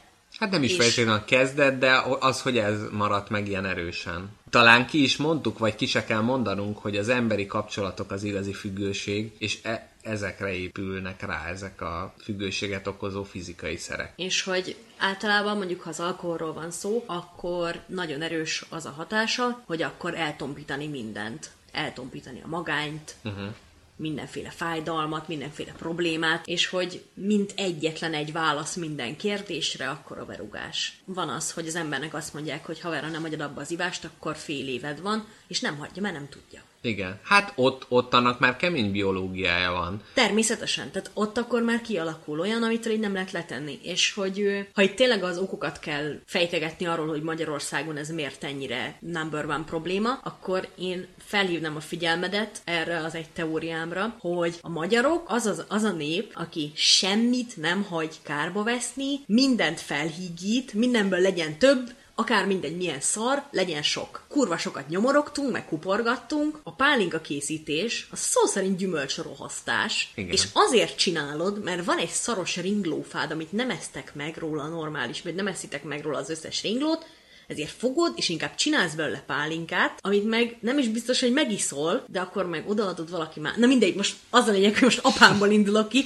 apám nem iszik pálinkát, Igen. de olyan rohadék sok pálinkánk van, amit te nem tudsz elképzelni. Aha. Azért, hogy ne vesszen kárba, hogy legyen, ha meg lehet csinálni, miért ne csináld meg, ha meg lehet inni, miért ne idd meg. Szerintem az kicsit az, hogy ezt te megcsinálod, te ezen megkínálod a többi embert, amikor megjönnek, tehát, hogy ez kicsit egy ilyen névjegykártyás dolog. Tehát Aha. bárhol men, a, iszol a pálinkából. És hogy az olyan, hogy igazából nagyon elrontani nem lehet, vagy ha elrontod, az még előnye is, hogy ugye milyen pusztulatos. Tehát, hogy ott szerintem kicsit megint ez a közösségi irány jön. Jó, most aki el, eladja, vagy el, ha elajándékozza, az már megint más, és hát nem nagyon, tehát ez, ez Persze, egy nagy nagy ajándékozó Igen, tétel, igen, akkor igen. valaki megjön, ígyunk egyet. Igen. Tehát szerintem ott a welcome drink, mint olyan, hát az nem arról szól, hogy jaj, már megjöttünk, már azonnal be kéne verni valamit, hanem mint egy az, hogy innentől mi, egy vendégség, egy rituálé, tehát szerintem ennek... Egy jó házigazda Igen. megcsinálja, bent. igen. Meg, hogyha megnézzük, hogy hol húzzuk meg a határt az olyan függőséget okozó szerek között, ami elfogadott és ami nem elfogadott, hát azért, mert hogy ezekhez lehet társítani valami társadalmi dolgot, tehát itt ez a vendégség, a dohányzásnál is az, hogy beszélgetés, Aha. Az, hogy szemlélődés, hát nem tudom, tehát én, én is majd a dohányzásomra majd rátérünk, de hogy nekem a társasági dohányzáson kívül, hogyha mondjuk fölmerülne, hogy egyedül dohányozzak, akkor az azért van, hogy kimegyek a házból, nézem a felhőket, ahogy mennek, tehát hogy az is egy ilyen kiszállás a, dolgokból. És hogyha már ott vagyunk a drogoknál, tehát amit ugye elítéle, amit elítélendőnek tart a társadalmi többség, akkor ott meg már a hatása fontos. Tehát ott Szerintem ne... ott is egyértelműen a kivonulás. Szerintem az összes függőségnek, amit csak el tudsz képzelni, az a lényeg, hogy valamit elnyomsz, valamiből kivonulnál. És hogy akkor lehet, hogy itt az a fő problémája a függőségnek, hogy van egy problémád, amivel nem vagy hajlandó megküzdeni józan eszközökkel. Tehát, hogy tolod magad előtt 40 évig a feleséget halálát, nem vagy hajlandó feldolgozni, inkább neki állsz piálni. De hogy szerintem nem csak De az nem lehet, az hogy lá- viszont- látod, látod, ott issza azt a sört, biztos valami baja van. Tehát, hogy De szerintem nem, nem... de, fe- de, nem, de hogy fontos, hogy nem az iszogatásról van szó, hanem arról van szó, hogy nem bírsz létezni pia nélkül, mert akkor mind testileg, mind lelkileg jönnek olyan dolgok, amiket te újabb piával kell csillapíts. Tehát ez a függőség fő problémája. Van ez a ha- Hajnócinak a Halál kilovagolt Perzsiából című kis könyve, most ebben a Pocket automatában 990-ért meg is lehet venni, ami kvázi egy, egy ilyen végstádiumos alkoholistának a képzelődése, és küzdelme a függőséggel, hogy jaj, csak hogy ne legyek rosszul, azért megiszok egy liter bort, és stb. Egyébként nagyon erős könyv, nem, nem tudom, hogy ajánlom-e, de nagyon erős. És hogy, tehát, hogy ott már ténylegesen az van, amit ugye szintén közhely, hogy már ahhoz kell neki a pia, hogy a normálisnak egy elviselhető tört részére fölhúzza magát. Aha. De, de igazából a függőségnek szerintem az, ezzel a részével már igazán nincs értelme úgymond foglalkozunk, mert ez, ez már egy olyan szintű betegség, ami ö, önmagáért való. A, amivel fontosabb foglalkozni, vagy amit könnyen megközelíteni, amikor még csak nehéz letenni, és nem lehetetlen. Mert ezeknél az embereknél már, már tényleg biológiai Igen. erős küzdelemről van szó. Dohányzás káros függőség, amit a társadalom talán leginkább úgy kezel, mint káros, de elfogadott dolog. Tehát az alkoholnál 18 év alatt nem veheted meg, de egyébként annyit veszel, amennyit akarsz, nem is annyira drága, bárki berúghat, de a dohányzásnál ott mindig drágítják, rámatricázzák, hogy meg fogsz halni, a kis spermáidnak a kis szemei ilyen X-ek lesznek, meg minden. Szerinted, ez kicsit az első szegmenshez kapcsolódik, de hogy szerinted mennyire kellene egy doboz cigi árát fölemelni ahhoz, hogy a társadalomnak kevesebb, mint egy százaléka dohányozzon. Mert az, hogy senki, az nem lehet, mert lehet, hogy Bill Gates nagy szivarfan, és egy millió dollárosokkal gyújtana alá a szivarnak, amit megvesz egy millióért. Hát abból ítélve, hogy egyre emelik a, az árát, és hogy nem nagyon csökken a dohányzás Igen. iráta, szerintem fel kéne húzni. A 10 sok, de mondjuk, ha egy 5-6-ra felhúznák, az jól Tehát számokat. 5-6 ezer forint lenne egy doboz? Igen. Szerintem sokkal jobb eszközöket kéne találni, mint a, az egek beemelés. De hát mindent megpróbálnak. Kitiltották a kocsmából. Te még emlékszel arra, amikor még füst volt a kocsmában? Emlékszem. Mentünk a diszkóba, és, és mikor kijöttem a diszkóból, akkor nem lehetettem elrejteni a szüleid elől, hogy a diszkóba voltál, mert a zoknidban Minden. az a savanyú dohányszag hajad Igen. a bőröd. És hogy gondolsz erre vissza? Mert megmondom Pont őszintén, hogy kicsit nosztalgikusan. Igen. De azért, mert az egy régi világ, és nem azért, mert hogy te ott benne a kocsmába dohányoztál, csak előttem is föl rémlik a hát meg nem nevezett kultikus kocsmánk is, hogy ott áll a füst, ott bent vagyunk, sörözünk, tehát hogy inkább az, a- az a világhoz kapcsolódik, de effektív nem hiányzik, meg tudom, hogy akkor nem szerettem. Én egyáltalán nem vagyok híve, hogy mindenhonnan, mint a leparásokat üldözni kell a cigiseket. Igen. Nem. Legyen helyük a cigiseknek, ahol lehet cigikézni. még van ez az ilyen ikonszennyezés, én ezt így, így hívom magamba, hogyha az ember bármelyik villamoson leül egy helyre, és körbenézel, hogyha tíz tilos a dohányzás jelet nem tudsz összeszámolni, akkor elég vaksi vagy. Tehát ez az, hogy méterenként ott van, meg az ilyen közintézményekben is, meg ben, meg mindenhol ki van írva, hogy tilos a dohányzás, meg a repülőn. Tehát már eleve bemész, ki van. Bemondják 25-ször, minden ülés fölött ott az a kis lámpa, ami világít, hogy tilos a dohányzás. Érted? Elég lenne egyszer, mindenki tudja már, de hogy, hogy mégis, tehát valószínűleg ez a lobby nagyon jó irányba ment, hogy a dohányosok ennyire stigmatizálva lettek. Milyen függőségek a leggyakoribbak így, hogyha mondjuk másik embertől függsz a kapcsolatfüggőség? Mert én nagyon sok olyan esettel találkoztam, hogy emberek kapcsolatfüggők, és úgy érzik, hogy ők magukban nem tudnak létezni, melléjük mindig kell valaki, és akkor ilyen-olyan szar meg időleges kapcsolatba ugranak Igen. bele, csak hogy ne legyenek egyedül. Ez szerintem nagyon gyakori. Szerintem és talán is. egyre gyakoribb. De lehet, hogy azért, mert hogy ugye a, a fix, hosszantartó kapcsolatoknak az ideája talán így megrendült, vagy hogy nem, nem az az evidens, hogy az ember 20 évesen belép egy házasságba, és akkor abba, abból Hát de megoldásnak valaki- se megoldás. mivel az egy normális helyzet, hogy valaki egyedül van, de mégis azt választja, hogy, hogy, hogy mindig valakivel van.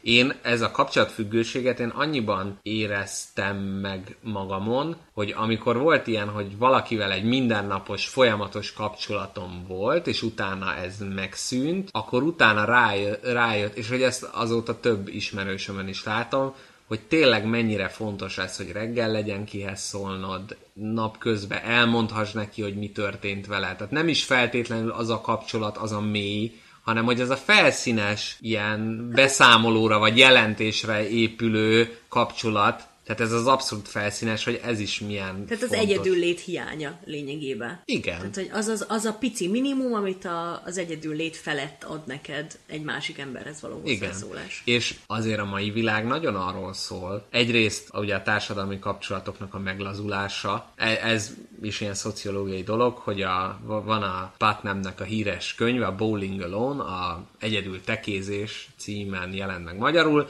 ahol a tekéző klubokat e, vizsgálta Amerikába, és azt vizsgálta, hogy miért van az, hogy egyre többen tekéznek, de egyre kevesen csatlakoznak valami csapathoz, tehát hogy egyedül járnak.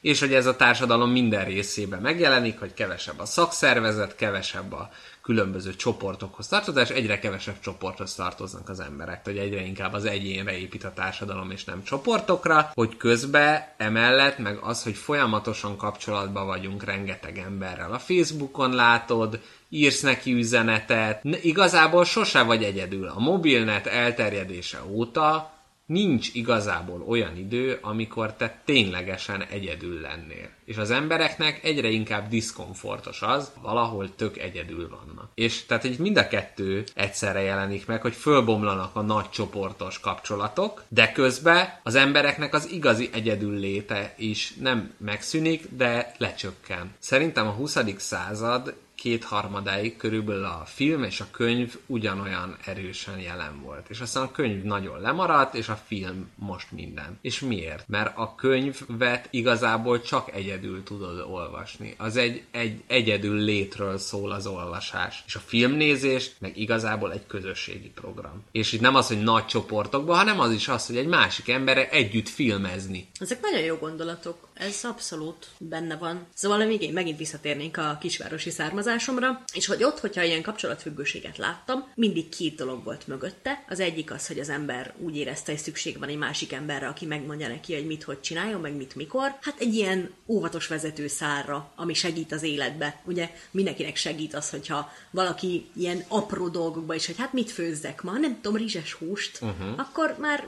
fel vagy mentve itt a gondolkodás terhe alól. Van a másik, a nyomás. Nagyon sok olyan kapcsolatot látok, ami teljesen egyértelműen diszfunkciós kívülről, viszont nyomásra, mind szülői, mind társadalmi nyomásra együtt maradnak, mert mi az, hogy te 28 évesen nincsen csávód. Tehát ezt leginkább lányokon láttam ezt a nyomást, fiúkon is nyilván, és én beszélgettem egy lányjal, teljesen egyértelmű volt, hogy borzalmas kapcsolatban él, tehát minden klasszikus abuzív viselkedés, mint a megjelent, mind verbális, mind fizikai, és mégis, amikor szakítottak, a saját, milyen vallásos nagyszülei mondták neki, hogy akkor irány vissza ebbe a kapcsolatba, mert férfi kell melléd. Nagy gálánsan elnéztek a tény mellett, hogy őt verik.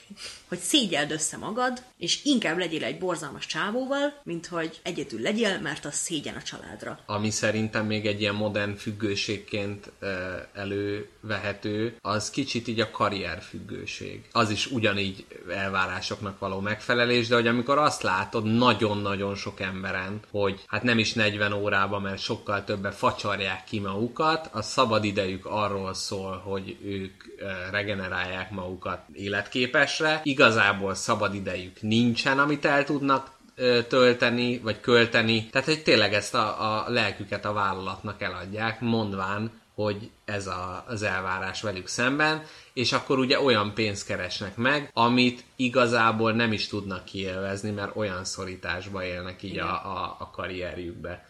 És szerintem ez egy óriási függőség. Igazából a közgazdaságtanra épülő kapitalizmusnak egy alapvető tétele, ami azt mondja, hogy ha nincs növekedés, az csökkenést jelent. Uh-huh. És szerintem ez egy óriási békjó az embereken, hogy nem azt jelenti, hogy te stagnálj és legyél életképtelen, hanem ne azt gondold, hogy neked több pénzt kell keresni, mert lehet, hogy a több, amit el kéne érned, az már nem anyagi szinten értendő, és lehet, hogy te egy olyan lépést csinálnál, ami miatt kevesebb pénzt keresnél, és mondjuk nem külföldre tudnál nyaralni menni, hanem csak Magyarországon, de mégis az a plusz idő, amit te nyernél a munkaheteiden, az sokkal értékesebb lenne. És ez, szerintem ez is egy olyan, olyan függőség, ami... A karrierfüggőségnek, meg a munkafüggőségnek én igazából két okát látom. Az egyik az, hogy tényleg elmenekülni az életed bármely más aspektusától, ami zavar. Tehát, hogy valaki azért workaholic, mert ő a magánéletében problémák vannak? Igen. Hogy akkor valamire mondhassa, hogy oké, okay, mondjuk szar a házassága, de Uh-huh. gyerek problémák vannak, vagy ilyesmi, akkor mondhassa azt, hogy de ő CEO itt meg ott. Hát igen. Tehát ez az egyik, a másik ok meg, meg az, hogy az attól való szorongás, hogy nem fogsz megélni. Örökös, amit nyomnak beléd, amit mondtál te is, hogy feljebb, feljebb, feljebb, Igen. mert különben egy putriban fogsz meghalni. Azért, mert az mérhető. A fizetés az egy szám. Az, hogy mekkora házad, hány kocsid van, hova mész nyaralni, miről töltesz föl fényképeket, ezek számszerűsíthető dolgok. Igen, ezt fel lehet mutatni. Igen, de az, hogy te mennyire érzed jól magad a bőrödben, Hát, az, az. nagyon nehéz megmérni. Meg a másik, amit én sose értettem, hogyha mondjuk te vagy a Tesco-nak az igaz, a tulajdonosa, minden Tesco-nak a világon, és Mhm. ott eljön a 2020-as év, és az van, hogy figyú, te nyitsz 500 új Tesco-t a világba. Minek? Minek? És az van, hogy te már a Tesco-val a világ egyik leg... Tehát egyszerűen nem érzem azt, hogy annyival több tesco lenne, akkor te annyival jobb lennél. Azt nem értem, hogy ezek az emberek miért nem tudják azt megtenni, hogy jó, elértem, fogom, eladom, eleve 50 generációra minden leszármazottam simán megélne abból a pénzből, hogy mondanám azt, hogy jó, akkor most kipróbálom magam valami tök másban, mert hogyha én ha sikerfüggő vagyok, meg bizonyítási vágy függő, akkor oké, okay, ezt bizonyítottam, most leteszem, és csinálok egy motorcsónak kölcsönzőt, ami kurva jó lesz. A világ legjobb motorcsónak kölcsönzője, vagy Aha. nem tudom, uh, ukulele sztár. Tehát, hogyha valaki a sikernek a függője, Bocsi, az ukulele sztár az egy ilyen kínai gitárhíró. Igen. Hogyha ténylegesen valaminek a létrehozása és felfejlesztése az ő nagy céljuk, Aha. és ez az ő mozgatórú, tehát hogy tényleg ebbe leli örömét, de valószínűleg nem. Tehát Igen. ilyenkor már a saját vállalkozásának a fogjai ezek az emberek. Ilyen figyelemfüggőség, hát ez abszolút megvan. Tehát ez, az ilyen extrovert, érted, ilyen podcasteket csinálnak, meg minden, csak azért, hogy figyeljenek a hangjukra, Igen. És visszahallgatják a vágás közben. Ezer borzasztó. Olyan is előfordult, amikor mondtam, hogy hidd el nekem, hogy nagyon rossz a film, csúnya, nem kéne megnézni, és nem is nézték meg. Arra gondoltunk, hogy olyan kultfilmeket fogunk felmondatni emberekkel, amiket ők még nem láttak, csak a közbeszédből leleszűrődött hozzájuk némennyi információ. És ebből az igazán hiányos tudásanyagból kell összerakniuk a film történetét. Vágjunk is bele. A kis Harry elvesztette a szüleit, aztán bekerül a varázslóiskolába, ahol baráta is lesznek, és együtt mindenféle kalandokban vesznek részt, például egy trabanttal repkednek. Tudjuk ki a gonosz, és az a céljuk, hogy őt kipenderítsék a tisztségéből, mert ő az iskolaigazgató. Közben a kedves Piton professzor segíti őket, és különböző versenyeken vesznek részt az egyetemen, például a Quidditchben, ahol az a feladat, hogy el kell kapniuk a cikeszt, és Harry a Hugrabukban játszik.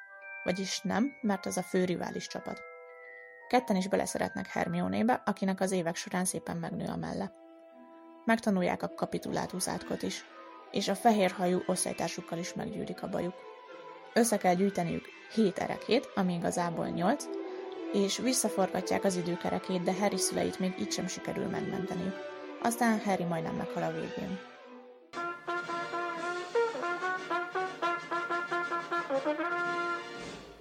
Mr. Jackpot, mit tudsz a Death Note-ról? A halállistáról? Ö, szinte semmit. Azt tudom, hogy ez egy, egy ázsiai rajzfilmsorozat, mely arról szól, hogy Isten a világ teremtésekor felsorolta az összes teremtményt egy listára a jegyzett fizetébe. Ez egy telefonkönyv szerű, ilyen kis regiszter, amit véletlenül takarítás közben lejt a mennyországból, vagy hát ahol lakik Isten, és ezt valami tüsihajú fekete tüsihajú ázsiai gyermek megtalálja, érdeklődve veszi észre rajta, hogy ezen minden ember rajta van, és a halott nagymamájának a neve át van rajta húzva, meg a japán császáré is az előzőjé át van húzva, és egyszer csak Brahiból megharagszik az egyik japán iskolatársára, akivel jó-jó bajnokságban méreti meg magát, és a másik nagyon pró ebbe az ázsiai jójóba, ezért úgy dönt, hogy kipróbálja, hogy az ő nevét is áthúzza Isten telefonregiszterébe, mire az iskolatársa egy, egy nagy adag garnilás susit fogyasztva a torkán akad az evőpálcika, és ezért halálát leli.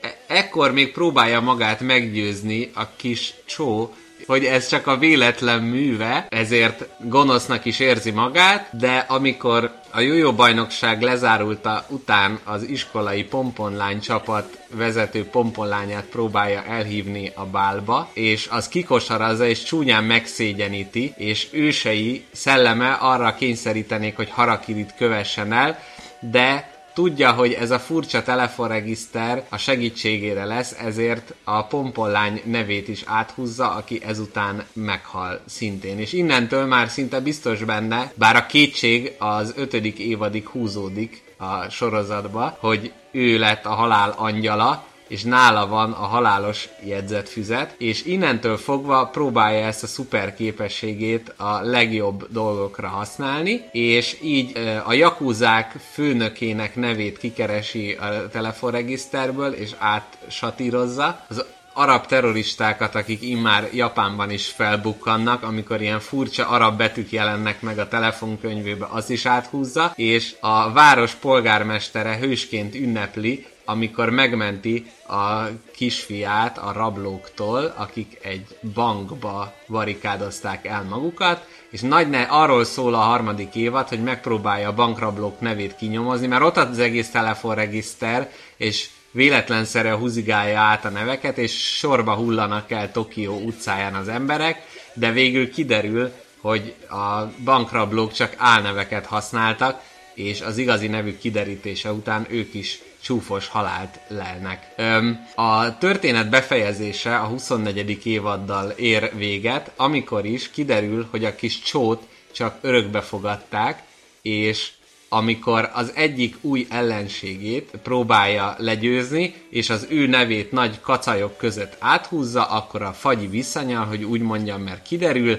hogy saját magát húzta ki a telefonregiszterből, hiszen az a név, melyet másnak tulajdonított, az igazából az övé, ugyanis a főgonosz az ő ikertestvére Csú volt.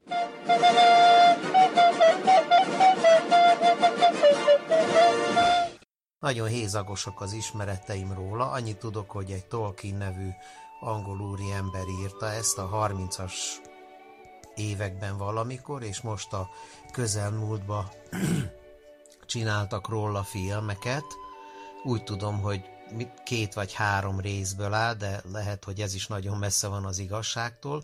A történetről. A, a, nem tudom, most nem ugrik be a neve, mikor egy űrhajóst ott felejtenek egy égitesttel, és Jaj, tudom. krumpli termesztésből tartja fönt magát. Ott láttam ilyen katalógusban ilyen gyűrűk gyűrűt, ilyen furcsa gót betűs írással van valami ráírva, ahol ilyen... Ez a gyűrű, ez egy pozitív dolog ebbe a történetbe, és azt kell ö, megkeresnie egy fiatal fiúnak, a, aki most nem tudom, hogy a hobbitokhoz tartozik-e vagy nem, de ő egy ilyen vöröshajú fiú, ennyire emlékszem a Hobbit kunyhó van, ami úgy számomra nagyon szimpatikus volt, ilyen körre hajazó bejárata van, és akkor egy domboldalba van. Meg, meg ebbe is van egy olyan sötétség ura, mint mondjuk a varázsfúvolába, hogy van egy rossz oldal, és akkor ezt, ezt a gyűrűt megkaparintják, és a, a fiúnak vissza kell szerezze a, a gyűrűt, valami ilyesmiről szólhat. Úgy Meg is. ilyen szörnyek is voltak benne, azokra is ilyen... Arra emlékszem, ilyen sárkányokra, ilyen doboldalon voltak, azt ott néztek, hogy ott jöttek a sárkányok, támadták őket, vagy ők támadták a sárkányt, már nem tudom, meg valami várostrom is van benne, ilyen félszörnyek ott harcoltak, de az is lehet, hogy ez másik filmben volt. Ez egy szimpatikus De végül is a klasszikus stílus. történetek, a jó és a rossz, a sötét és a világosság, ezek a harcok, amiket már mindenféle, csak ezt ugye ebbe az ír legendába vagy. Nem? Ez ilyen ír legenda. Nem Nem tudom. ír legenda? Nem a tudom. hobbitok? Ennyit tudtunk elmondani nektek erről.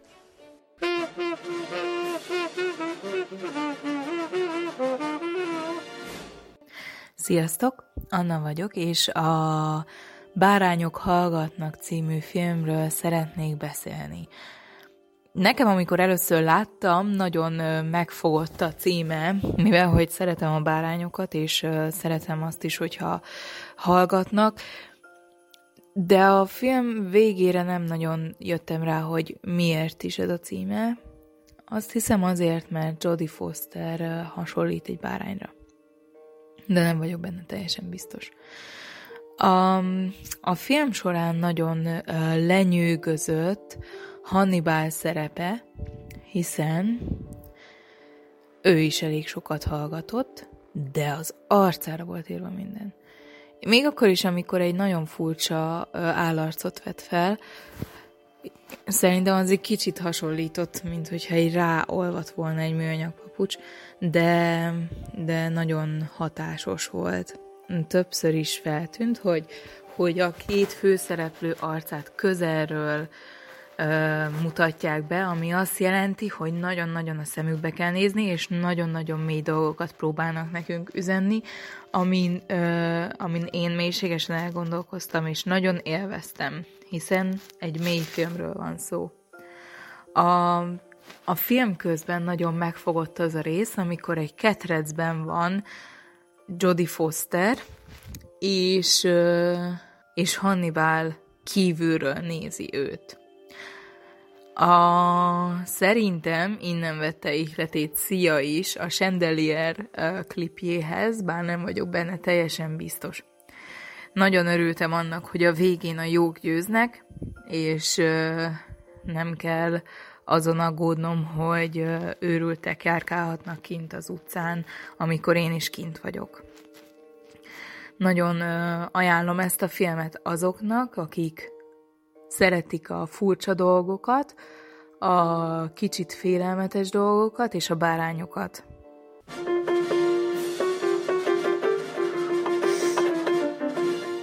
Szép reggelre virratt Tony Montana baldahinos ágyában. A vörös bársony fürdő köpenyében, a kis bajszával, kopaszodó fejével, úgy, úgy néz ki, mint Gorbacsov, csak nincs rajta pötty a fején, és arra kell, hogy egy levágott lófej van benne az ágyában. És aztán elkezd a levágott lófejjel vitatkozni, hogy pont a lánya esküvője napján kellett ide jönnie, de aztán kiderül, hogy kirakta oda a lófejet, és valaki, aki egy másik olasz, és neki azt mondja, hogy nem csak az ő, nem csak a lófej az, akit nem szívesen lát a lánya esküvőjén, hanem a lófejt küldő olasz is. Aki nem jó fej. Azután meg jön a lány esküvője, de annak vége van, ott semmilyen említésre méltó esemény nem történik, csak sokat esznek és isznak, pizzáznak. Utána, amikor vége van az after partin, akkor csak az öreg aranyfogó olaszok maradnak, egy lecsupaszított asztalnál, amiről már levették a húsleveses tányérokat, és azt felpolcolják a plafonig kokainnal. És ott szivaroznak körbe körülötte, és arról beszélgetnek, hogy ők igazából ilyen nagy kokainbárók, meg hogy mindenkinek nagyon sok pénze van, és ezeknek nagyon sok pénze van, Tony Montana nagyon-nagyon gazdag. Ott kokainoznak, és azzal lesz vége, hogy azt mondja a Tony Montana bele a kamerába, hogy ez egy nagyon szép barátság kezdete. Nagyon szépen köszönjük, hogy ma is velünk tartottak a kedves hallgatók. Szeretet, boldogság, tiszta bőr. Mielőtt a levelet föladjátok, puszilgassátok meg, és akkor mi is megkapjuk. Találkozunk két hét múlva.